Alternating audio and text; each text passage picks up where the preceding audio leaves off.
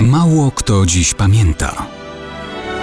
Datownik historyczny prezentuje Maciej Korkuć.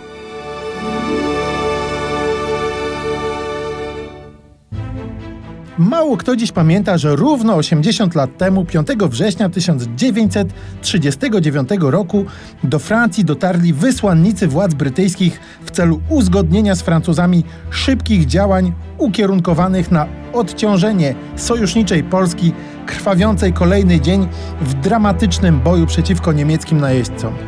Brytyjczycy byli świadomi, że jak mówiono na londyńskim posiedzeniu gabinetu wojennego, sojuszniczy plan operacji przeciw Niemcom w celu złagodzenia nacisku na Polskę jest żywotną koniecznością.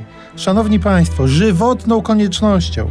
Nie kwestią sentymentu do Polski czy widzi mi się, ale sprawą życia i śmierci, również dla milionów Francuzów i Brytyjczyków.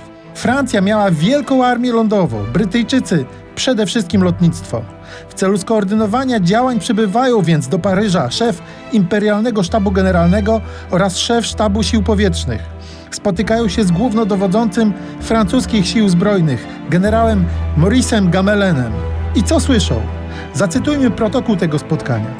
Generał Gamelin znajduje się pod naciskiem swojego rządu, aby spiesznie podjąć działania zmierzające do złagodzenia niemieckiego nacisku na Polskę. I dalej czytamy. Generał opiera się tym naciskom. I następnie Gamelin informuje Brytyjczyków, że, cytuję, nie zamierza podejmować pośpiesznych działań, aby nie ryzykować utraty kwiatu armii francuskiej w nierozważnych akcjach. To było wówczas tajne spotkanie. Gdyby te słowa słyszały miliony Polaków, to poczułyby, że oto francuski dowódca zamyka nad nami wieko trumny.